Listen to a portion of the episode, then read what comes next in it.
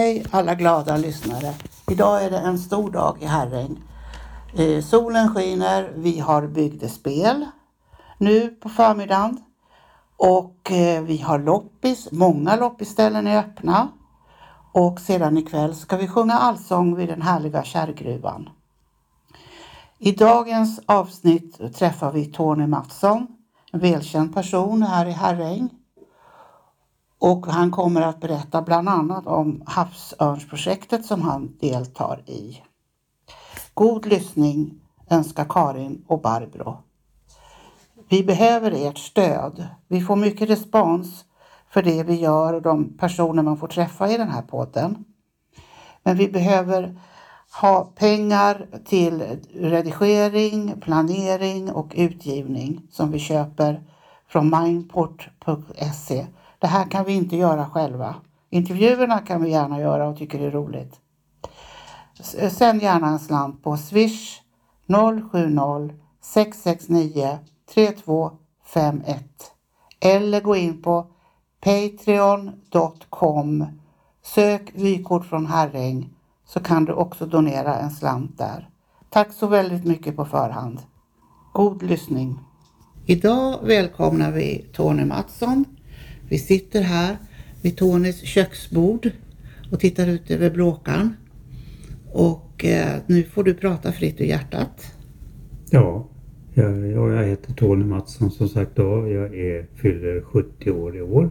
Jag är född 1952 här i Herräng.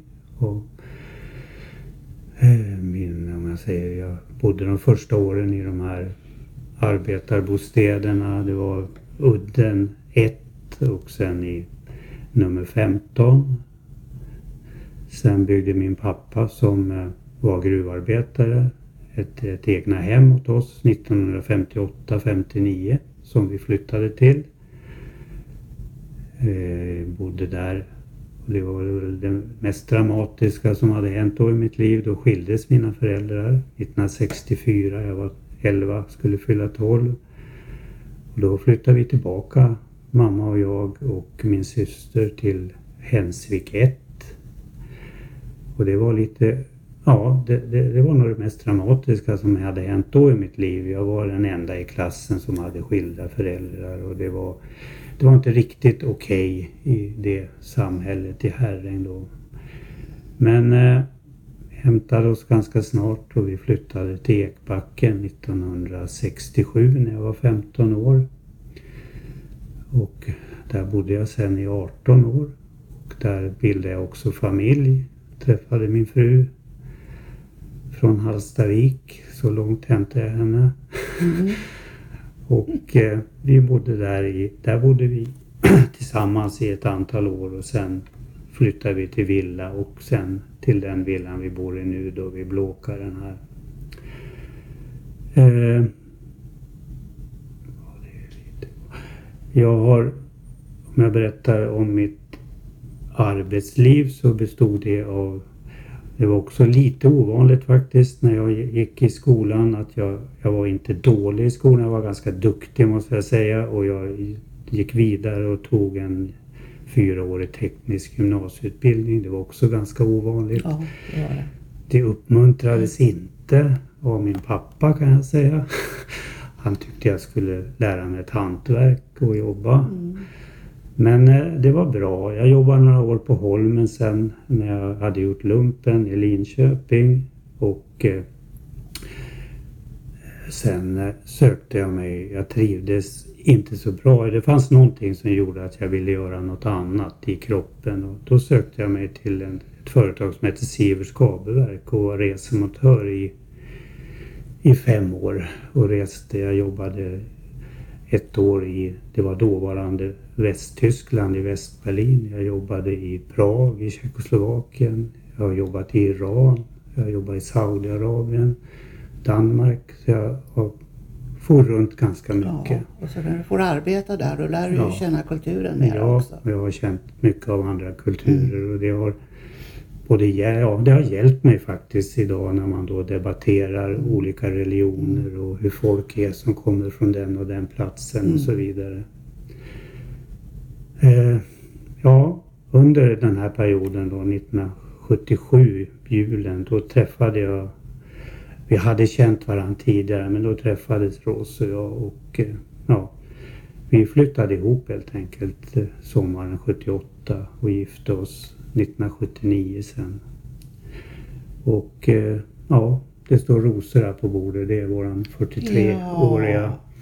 bröllopsdag som vi har firat här första juni. Ja, grattis! Ja.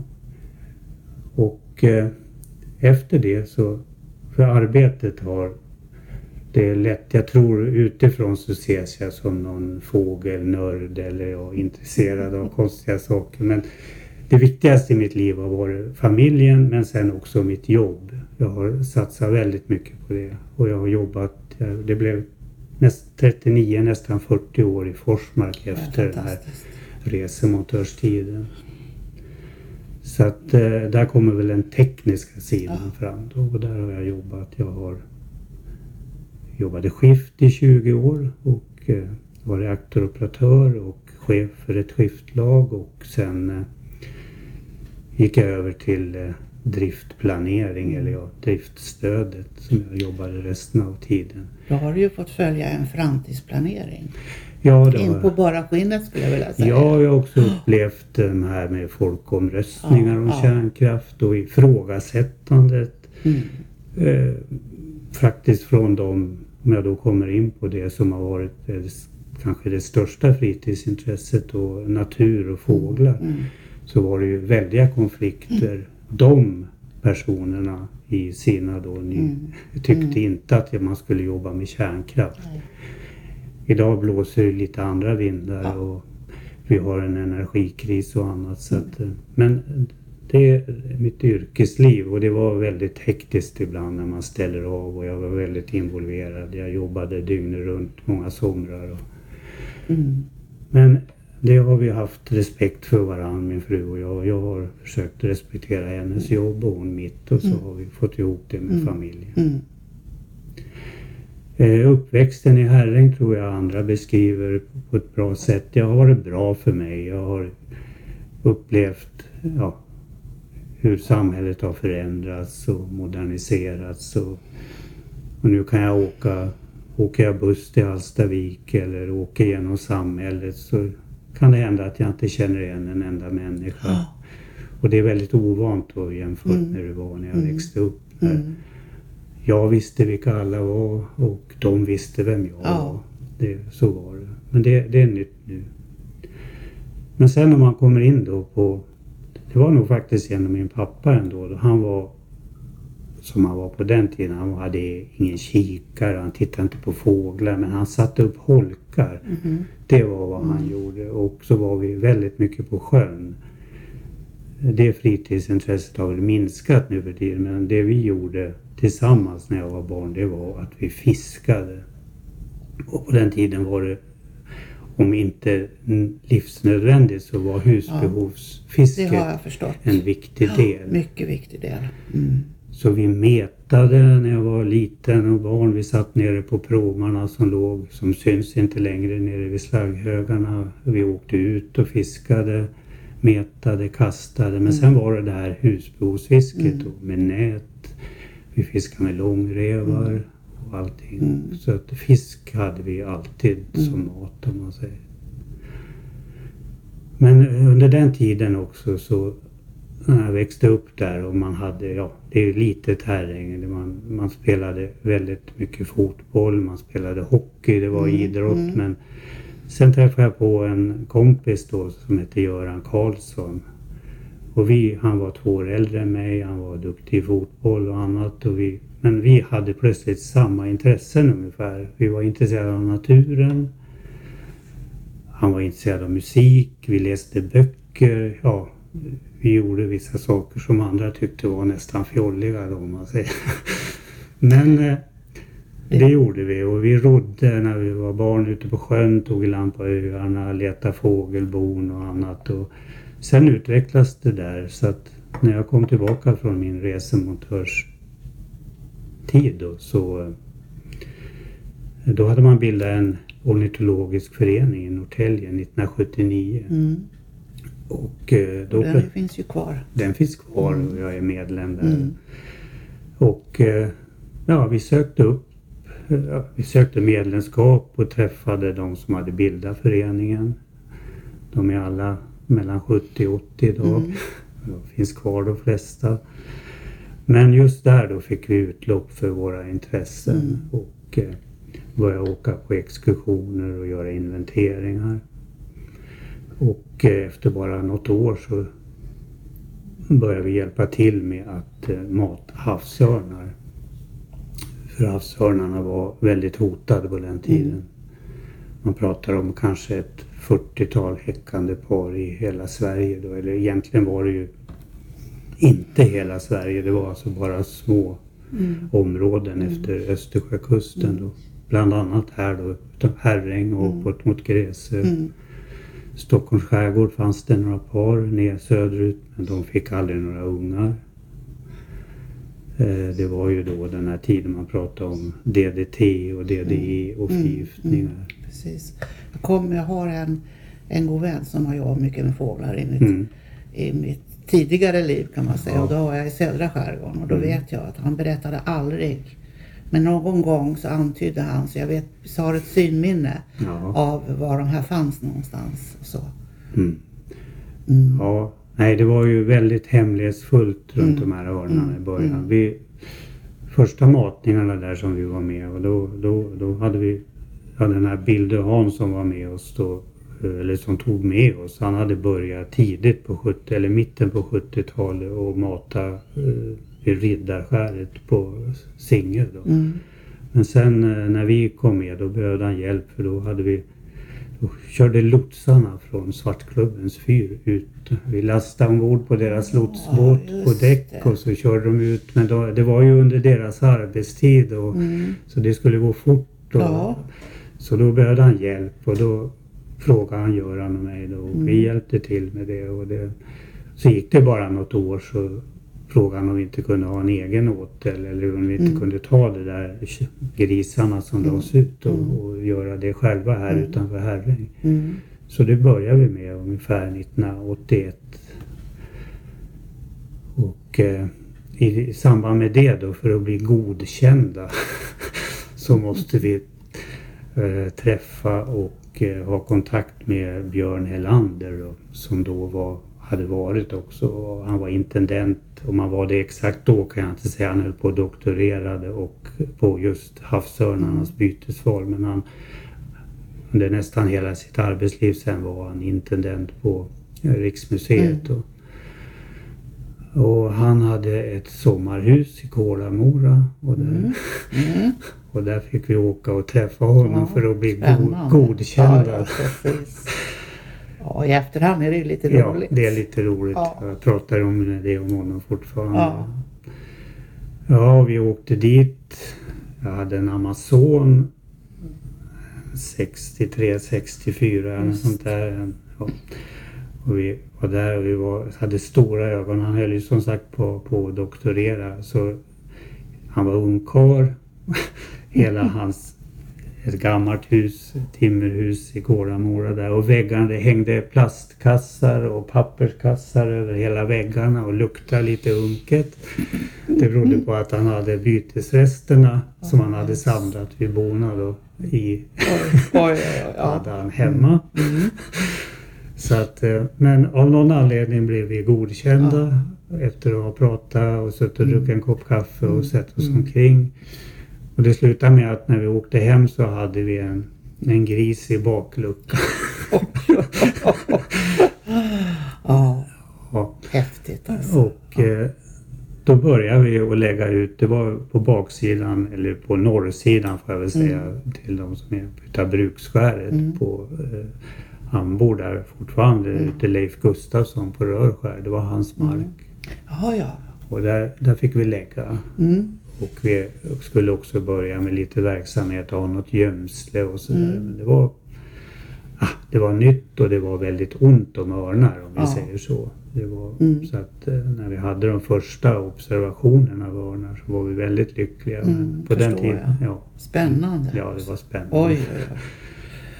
Eh, vi lyckades aldrig riktigt med det där gömslet där. Vi byggde något tältliknande i stranden där mm. och satt. Men att sitta där då exakt när det kom någon örn. För på Ja. den tiden, vi hade ett område som vi skulle ha enligt Björn då bevaka. Det var ju inte så lätt. Det var alltså från södra Gräsö, Idö ner till ja, vi kan säga mitten på Väddö Just. och hela skärgården som vi skulle ha koll på. Och det var, ju, det var lätt på ett sätt eftersom det fanns bara två bon Mm. som var kända på dem. Mm. Och, eh, men visst, det, det var en tid när det började ändå i och med att det hade matats ett tag och man matade örnar då för man trodde då att då skulle man avgifta de, de adulta som man säger könsmogna örnarna så att de skulle få lägga ägg som, ja, som inte var sterila och Just. där skalen var, var he, hela. För Ja. de, det var en skalförtunning utav de här Ja, gifterna. ja. Så de eh, örnarna när de lägger ägg och så ska börja ruva så honan vänder äggen varje timme nästan. Alltså för att fördela temperatur Mm, mm, och mm, annat. Ja, mm. Det som man gör väl själv om man har en har Ja. höns Precis. ägg som man ja, ska ja. kläcka. Ja. Det måste ju hon göra då och det Mm. gör Och då var skalen så tunna så att äggen gick sönder. Sönder, Ja. ja. Just det. Ja. Eh, Så det blev inte många ungar i bona. Nej, Men blev- man hade ändå på något sätt börjat vända utvecklingen. Mm, så mm, vi började kunna se flera örnar. På den tiden kunde man... Jag stod och det var väl också lite obskyrt då. Alltså på vårarna i februari redan. Januari, februari börjar örnarna bygga bon eller de... Ska man säga, de, de känner på varandra. De spelflyger om Mm, man säger mm, paren. mm, och mm. då kan man se dem. Jag kunde se med tubkikare från Sligen då Mm. kunde jag se taket på gamla vattentornet i Östhammar. Bara för att få en känsla av vilken yta jag kunde se över. Så när jag stod högst uppe på Sligen så kunde jag se egentligen hela skärgården och ända ner utanför Grisslehamn. Ja. Däremot är det lite svårare då. Man såg örnar och helst om man såg två då när Mm, spelflög. Så man visste att ja, det är den riktningen. Men hur långt bort? Är det en halv mil? Är det en mil? Eller vad, ja, det, vad är det? Så sådana gånger behöver man egentligen två som står på olika ställen. Ja. Men så jobbar vi i alla fall. Och eh, vi började mata där och mata några år. Men vi drog till oss eh, väldigt mycket korp också och annan fågel. Mm. Efter ett tag blev det lite ohållbart och det var lite svårt att komma dit på baksidan av Brukskär. Vissa, alltså, man säger, att lägga ut på isen. För där båtarna gick ju förbi in till Mm. Hargshamn och Hallstavik. Så det, det öppnade lite Mm. för tidigt där. Det är sån här ränna, den är ju fortfarande. Ja, den finns ju Mm. fortfarande. Så sen flyttade vi till en ö som hette Brommaren som ligger utanför Hensvik. Mm. Det var på, nu är Hensvik en samfällighet och det var inga enskilda ägare utav Bromma utan det var mm. Hensviks hela samfällighet. Mm, mm. Men där fick vi tillstånd då av deras ålderman som på den tiden hette Einar Moberg då. Mm. En känd profil. Mm. Ja. Och han tyckte väl att ja, vi kunde få mata bara det inte blev för många. han var född i en annan tid. Ja. Men han tyckte ändå att det var väl, Väl, väl, Ja, bra det vi höll på med. Mm. Så där höll vi på i ganska många år och hade gömsle där också som vi gick ut i på man måste ut då när det var mörkt. Så, Ja, ja, så lite där framåt. Ofta var det ju det var bäst och mest örnar. De lokala som häckade de, de kunde ju komma när som helst Mm, på det. mm. Men örnarna, de unga örnarna eh, flyttar. Alltså, eh, Ja, alltså, ja. de är inte könsmogna förrän de är sex år gamla. Förrän de kan så? bilda par Ja, få. ja. Så att uh, ungörnar finns det. Man, man pratar om, om eh, ja, ett K säger man. Det är alltså kalenderår hur gamla de är. Och ja. Men sex år, det är ju en lång tid. Hur länge lever en havsörn? ja, en havsörn, man har ju tittat lite på, på det och man kunde väl följa det kanske bäst i Norge där man ändå haft en Mm. ganska bra stam. Mm. Men en naturlig, utan utfodringar som nu, vi är Mm. nästan där igen nu, det är Mm. inte så mycket. Så dör ungefär 75 procent av ungarna innan de uppnår könsmogen Ja. ålder. Då. Och så att det, men det är ett naturligt urval. mm. Det är Naturen gör ju det här själv med alla Ja, arter. och man får väl ändå, även om det, det är inte så... Man ska inte alltid bra. Men alltså örnar, det var ju inte de starkaste som dog då. Utan Nej. det, var, det var ett urval Ja. helt enkelt. Stammen stärktes och de som överlevde Mm, mm. kunde. För det, alltså det är väldigt känsligt att vara en rovfågel och framförallt så här högt upp i kedjan. De, de klarar inte, alltså en, en liten skada eller någonting, Nej. kan de inte jaga på några dagar så, så blir de försvagade Precis. och, ja, ja. och sen är det Mm. färdigt. Mm. Men sen kan det hända annat, att de alltså, flyger på ledningar, Ja. de kan bli påskjutna. Mm. Alltså på 80-talet var Mm. En majoritet av de döda örnar man fick in då, statens vilt på, till Riksmuseet Mm, och som man eh, röntgade. De, Mm. de var, hade alltså blyhagel i sig. De var påskjutna. Så det, fanns, det fanns många hot, och inte Mm. bara gift utan också förföljelse. Mm, Så mm. det, det är mycket bättre idag. Mm. Men eh, Det är skönt att höra det. ja, och det var förföljelse, man pratade om äggsamlare och annat. Det, fanns, Mm. fanns många hot mot örnarna. Det Ja, var, och många arter av fåglar Ja, var det ju. andra klättrade omkring Ja. och letade. ja, oh ja. Och det har jag ju sett hos just den här mannen som jag känner då som har, han har ju massor med ägg Mm. i små lådor och Ja, allting. Det ja, är mycket som helst. Det var Det ju... gjorde han när han var barn och upp och nu gör han ju naturligtvis Nej. inte det men, men eh, han hade ju allt där. Det var vanligt. Ja. Det var, det, jag känner igen det lite Mm. från när jag växte upp. Det, det var ju att samla ägg och ha Mm, en liten... Alltså, mm, nästan alla hade mm, några ägg. mm, när mm, man, de mm. skulle alltså punkteras och blåsas ur. precis. Och, Det var, väl det som var proceduren. Ja, var Sen det. att tänka på arten, eller Ja. det gjorde man ju naturligtvis inte. nej, problemet för havsörnarna var ju att de var så sällsynta och då ökar ju efterfrågan Precis. och värdet. Mm, Och, så mm. att det pratas ju också om att man kunde, man kunde sälja ägg till andra länder Ja. om man säger. Nej men våran matning det var ju som sagt var Göran och jag och där, ja, vi, gjorde det tillsammans hela Mm, tiden mm, mm. och eh, det kördes grisar hit. Det var alltså i början, ja vi hämtade i början eller fick hit kört från eh, bönder. Det, det var alltså före vårt inträde i EU. Då var det alltså självdöda eller nödslaktade grisar i Lohärad, Roslagsbro Mm, eller här i Norrtäljetrakten. Mm. Och det var inte alltid en sån här jättetrevlig verksamhet. De Nej. kunde ju ha legat några veckor Mm. ute på Lagårdsbacken Mm. när vi hämtade dem. Mm. Lite, lite svullna och, Mm. och gasiga. Så Mm. det, men eh, det har varit större och större där med utfodringar. Och våran åtel om man ser här vid Herräng var en av de största Ja. och mest besökta Mm, efter ett tag. mm, Vi ligger ju precis geografiskt så att men jag var inne på det att de flyttar de unga örnarna. De, de rör sig, alltså äldre tider finns det alltså ringmärkta örnar som har, man har alltså återfynd av ända ner i Italien. Oj.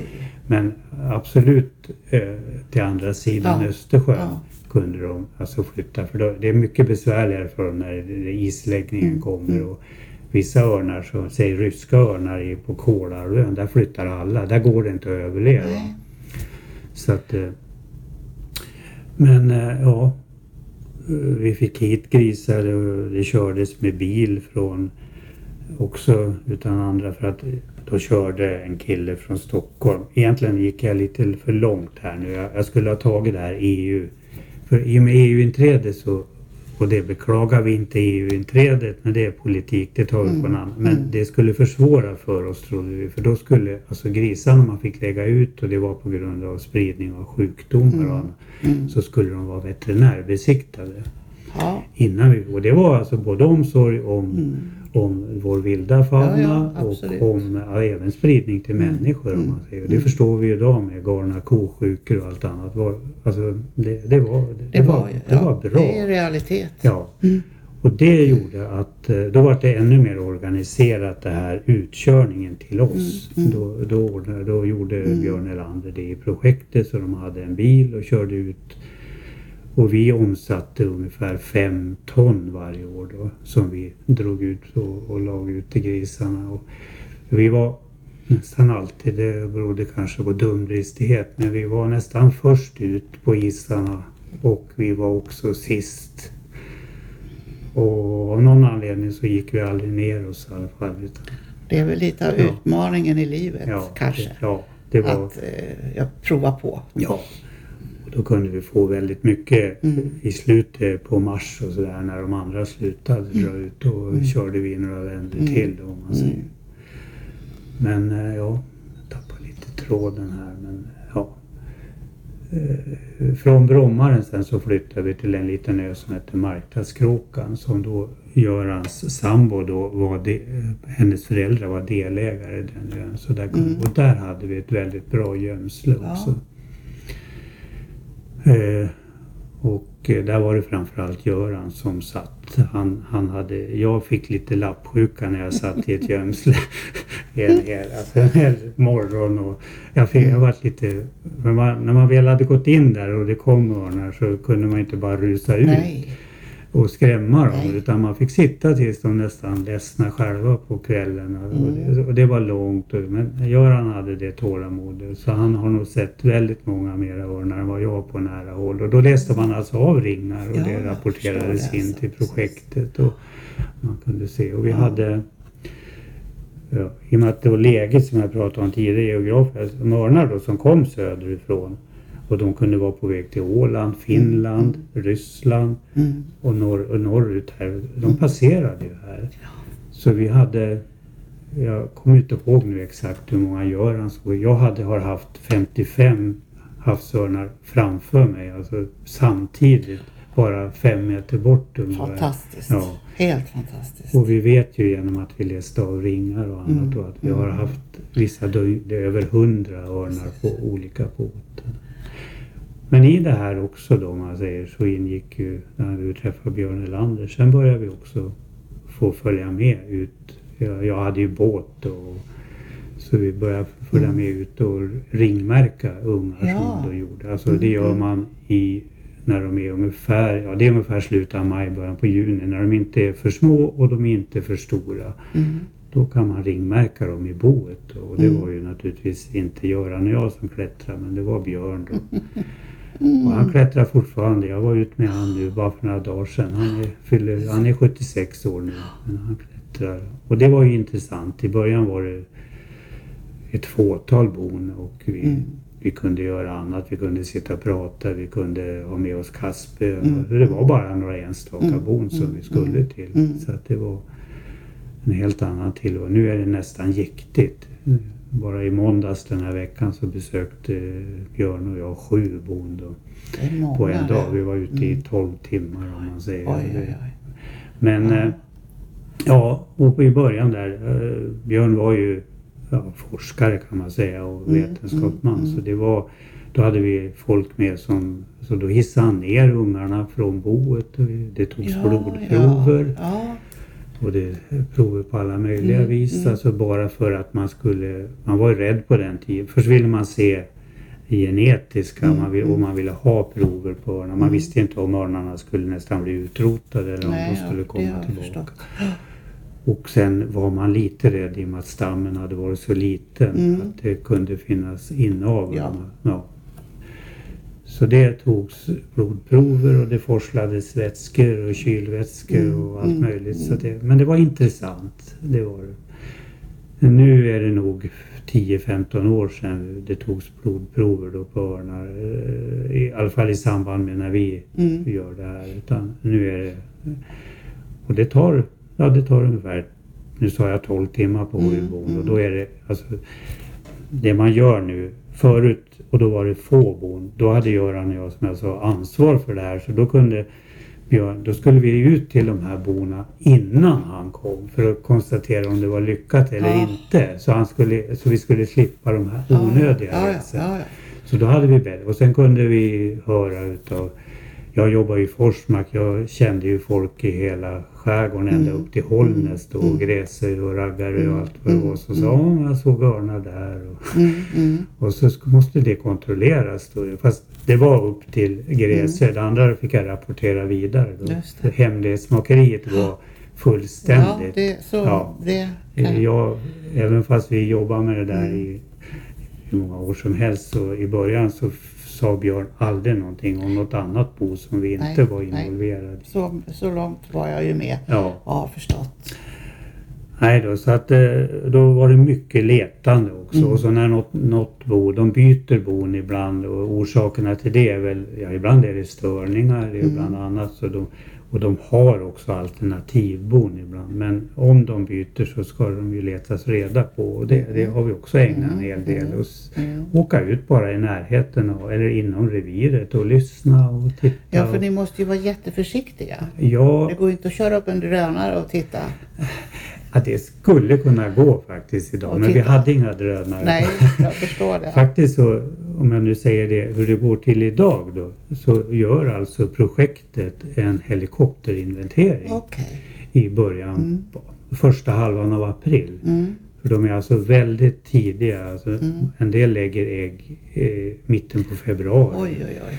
Och det är ju för att är de ska ju alltså vara flygga och självständiga innan vintern kommer. Mm. Just och det, det är alltså ägg, säg, för, säg att de, de lägger första mars så är man alltså, då kläcks ungarna i mitten, Mm. alltså på april. Mm.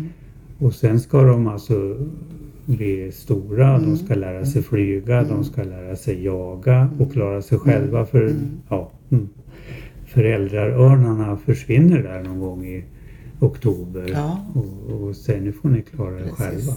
Och de som inte kan det då, de, dör- de Ja, dör de helt dör ju. Ja. såklart. Ja. Så är det. Så att, eh, nej, den där helikopterinventeringen gör ju numera att bara kanske något ställe varje år att det, det är också, det är ju alltid ekonomi i saker och nu är inte havsörnen lika prioriterad Nej. som förr. Och det är väldigt många bon och stora områden de ska flyga. Så de har en viss summa pengar och då räcker bränslet inte till alltid. Utan de måste ju till varje och då så kommer de till ett känt boställe och det är ingen det, ser jag, det är ingenting som har pågått i det boet men det, ja, det är örnar här omkring. Mm. Då, då vet man nästan att de har, ett, de har byggt ett nytt bo.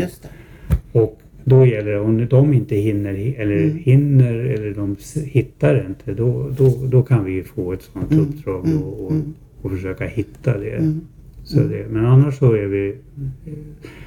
Det, det var ett bekymmer förut. Vi trodde att det kunde vara problematiskt att först var vi där och störde Mm. en gång och sen skulle då ringmärkaren Ja, också komma. ja. Så två planerade störningar Precis. per år. Det var, men Men det eh, har fungerat. nu, nu är det nere i en Mm. från oss då. Mm, mm. Sen finns det naturligtvis störningar från Ja.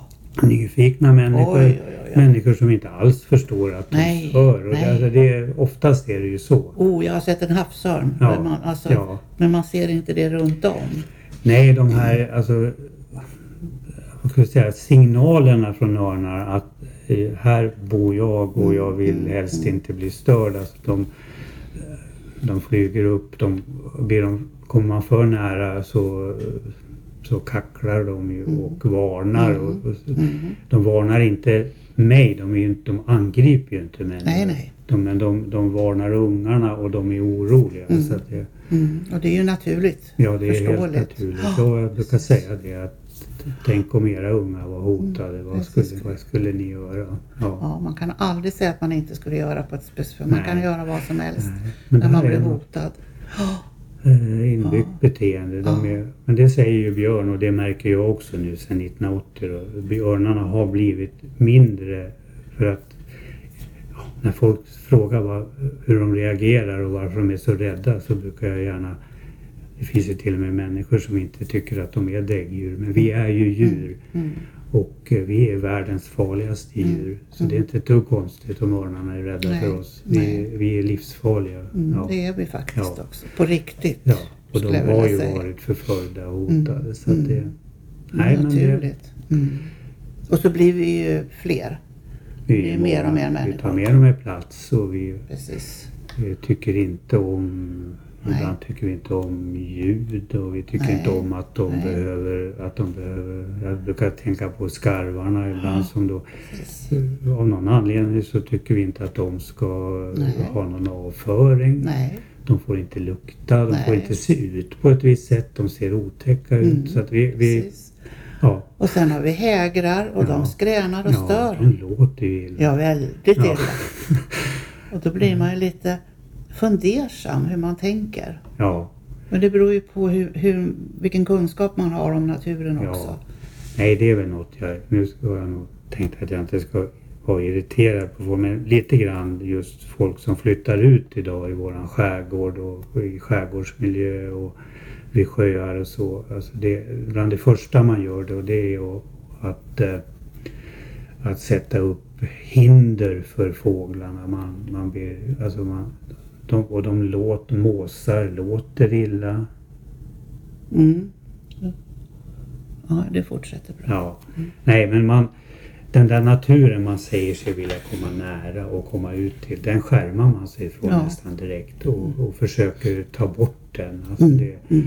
och det, det, jag kan själv tänka ibland, jag, jag vet till och med jag var irriterad på en näktergal som vi hade på tomten ett, år. Att jag skulle nästan vilja att den var tyst. Men, så jag, jag förstår väl ibland men, men Det, är eh, lite, det har lite med sinnesstämningen Ja, att göra ja, inom en själv också. Ja. Så är det ju bara. Men Mm. om man växte upp så var ju näktergal det vackraste man kunde Ja, höra. Men ja. har man haft den nästan i sovrummet så vet man att det, Ja, det kan bli besvärligt. Ja, det kan det. Och det kanske man kan tycka om måsar och, och gäss som Ja. eh, bajsar på gräsmattan Ja, och sånt precis. också. Så man tänker sig Ja. ju inte för så heller utan man tycker bara. Ja. Och sådär. Jätteintressant. Har du något mer du tycker du ska vill tillföra just nu? Nej, nu är det ju väldigt mycket här om den här örnen. Och det har ju pågått här i Herräng då hela och många människor har varit intresserade av det och gärna vilja följa med naturligtvis ut. Men det har, det här har varit ett jobb helt enkelt. Alltså ett, ett, vi har hållit på med det här alltså varje helg på vinterhalvåret ut på morgnarna och, och vi har ju försökt att inte visa riktigt vad vi har varit. Men det är inte så lätt när det är på en ö utanför Nej, nej, nej, nej. Utan det har ju varit skridskoåkare och skidåkare. då Ja, man har precis. suttit i den där åten och det kommer skridskoåkare och tittar och i land. Mm, Och, mm. och vi har till och med blivit ja, i sån här verksamhet om man nu ska gå vara, vara runt där med åtlar. Jag har haft eh, vänin, en väninna till Rås som ville ut och titta. Jag, jag drog en gris ut och, och eh, det var jättevackert. Det var den här vinterdag med solsken och blå himmel. Och, och hon tyckte det var så roligt och vi är ut och jag drog upp den här grisen där man och då är det ju Alltså en 10 grader kallt så rår inte örnarna på, inte ens de rår på skinnet om man, eller ja, svålen eller vad man nu ska säga. Så då har man ju en yxa med sig och så Mm. hugger man upp den här Mm. grisen Mm. lite grann. Och Då svimmar hon. För då var det inte så, ja det var liksom en annan verklighet. Ja, en riktig Ja. verklighet. Ja, Mm. men eh, och vi har haft väldigt många som har sagt att de vill följa med och hjälpa till. Och, och Mm. efter ett tag, vi hade några med oss och ja, det var ju Ja, det, det var mer besvär än nytta om man Mm. säger så. Efter ett tag så sa vi alltid det. Ja, men då får du lova att vara med varje gång i fem år. Mm, just det. Ja, för då kan vi, då kan vi vara borta någon gång. Och, Mm. och, och, och det, ja, det Mm. blev inget resultat. Nej. Det var ingen som anmälde sig. Nej, jag förstår det. Så att eh, vi körde det här Mm. och eh, i mål tills det helt enkelt eh, för att det också då i och med det här med veterinärbesiktning då, då fanns det ett slakteri i Scan i Uppsala som vi kunde hämta eller det hämtades vid och Mm. kördes hit. Mm. Och det var, det, var en, det var jättebra för om man nu kan säga om det låter som jag tyckte inte om det här eh, EU-inträdet. Så det var jättebra. De här, Nu fick vi halva kroppar uttagna, kylda. De kunde ju inte få vara halvruttet. Nej, nej, nej. Alltså det var så rent och Ja, fint precis. och lätt att hantera Ja, ja. så det blev mycket bättre för Mm, oss. mm, jag och, eh, förstår det då. så, ja, så, och, eh, men sen flyttade, la man ner det i Uppsala och flyttade upp till Dalarna och Mm. så, då var det för, först klarade sig örnen, det vart ju fler och fler och eh, det vart lite för stora, vi, Mm. vi slu, 28 år höll vi på och sen slutade vi. Ja. Mm, fantastiskt. Så det, Tack så hemskt Ja. mycket Tony. Mycket intressant. Och mycket tankar och jag tänker på, på eh, att följa fåglarna och förstå att de är, har varit långt borta eller ska flyga långt bort. Ja. Det vidgar ju i, i, i huvudet, tankarna och hjärnan också. Ja. Blicken. ja, det gör det. Mm, verkligen. Ja, det har varit lång tid. Tack detta avsnitt presenteras tillsammans med Mindport Audiobooks. Ett mångkunnigt ljudboksförlag med egna inläsare och flera kända titlar i katalogen. Vill du få din bok eller företagstext inläst kan du vända dig till oss för kostnadseffektiva erbjudanden. Gå in på mindport.se och välj ljudboksproduktion. Upplev flera berättelser och objekt på plats med Geostory-appen. I appen kan du också tävla om att bli väktare och beskyddare för dessa. Finns där appar finns. Har du förslag på intressanta och bra berättelser som du tycker borde finnas i Geostory? Gå då in på geostory.se, välj bidra under meny och klicka sedan på förslag på Geostory. Vill du även hjälpa till och sponsra redan inlämnade historier kan du välja insamling och sen sponsra med det du vill och kan. Vill ditt företag höras här? Kontakta då oss gärna på info.geostory.se för att vara med och sponsra.